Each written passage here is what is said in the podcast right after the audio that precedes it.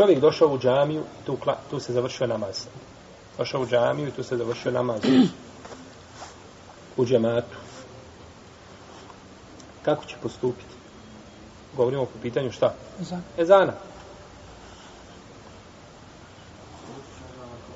Ko dođe u mjesto gdje je proučen ezan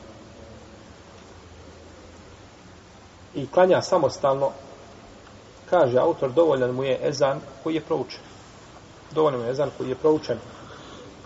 A ako prouči ponovo ezan, lijepo je postupio. Lijepo je postupio. Zato da time dobije šta? Nagradu ezana. Nagradu učenja ezana. Zbog hadisa Ebu Saida i Ukvata ibn Amira koje smo spomnjali u prošlom predavanju u vrijednostima ezana.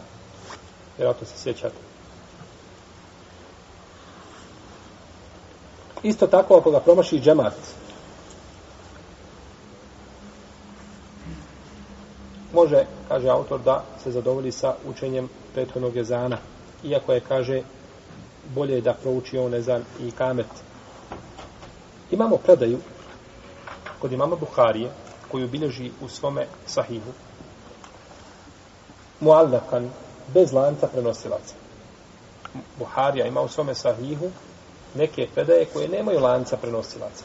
I oni se zovu muallak. Ima takvih predaja oko preko 1200 Samo sahiju.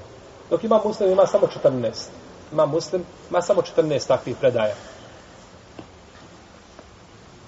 Bileži od Enesa ibn Malika da je došao u džamiju Benu Salebe.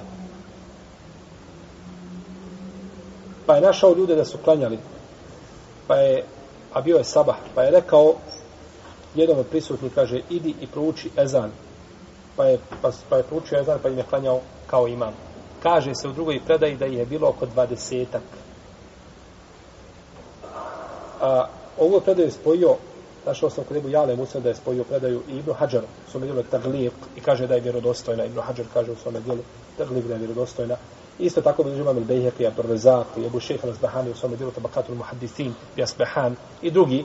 Pa je predaja vjerodostojna od Enesa ibn Malika da je on naredio čovjeku da uči ezan po ezanu. Znači poučen ezan, poučen jedan ezan pa je naredio drugi. Pa je ovdje predaja od ashaba šta? Validan argument ili nije validan argument? Validan. Validan argument, inša Allah, jer nema ništa što je, a, znači, po deređi jače od toga, a slijediti ashaba u njegovom postupku je preče nego slijediti nekoga nakon njega. Tako da je učenje svakako ezana u ovom slučaju pohvalno i ne treba ga čovjek ostavljati. Kada dođe u džamiju, ako već neko klanjao, neće učiti šta? Da glas, da ometa ljude, da je zijeti druge koji sjede, koji zikre, nego prouči tiho negdje, zavuče se, uđe ovdje u prostoriju ili za sluba stane i, i tiho prouči, ja znam da čuje sam sebe ako će klanjati. Jer ako su dvojica pored njega tiho, znači da oni čuju, to je dovoljno. Jer ti ne pozivaš ljude, znači da dolaze izvana na namaz, nego učiš i oni koji će klanjati dovoljno da čuju, to je dovoljno. Znači ne treba ometati time ljude. I ovo je mišljenje mama Šafi i Ahmeda, a kaže imam Malik je uzaija, neće učite zana. A kaže, neće učiti ezana, hoće i kamet, a kaže Ebu Hanife i hanefijski učenjaci neće učiti ezan niti i kamet. Ali ispravno, ispravno je ovaj da, da će učiti, a, da će učiti i ezan i kamet.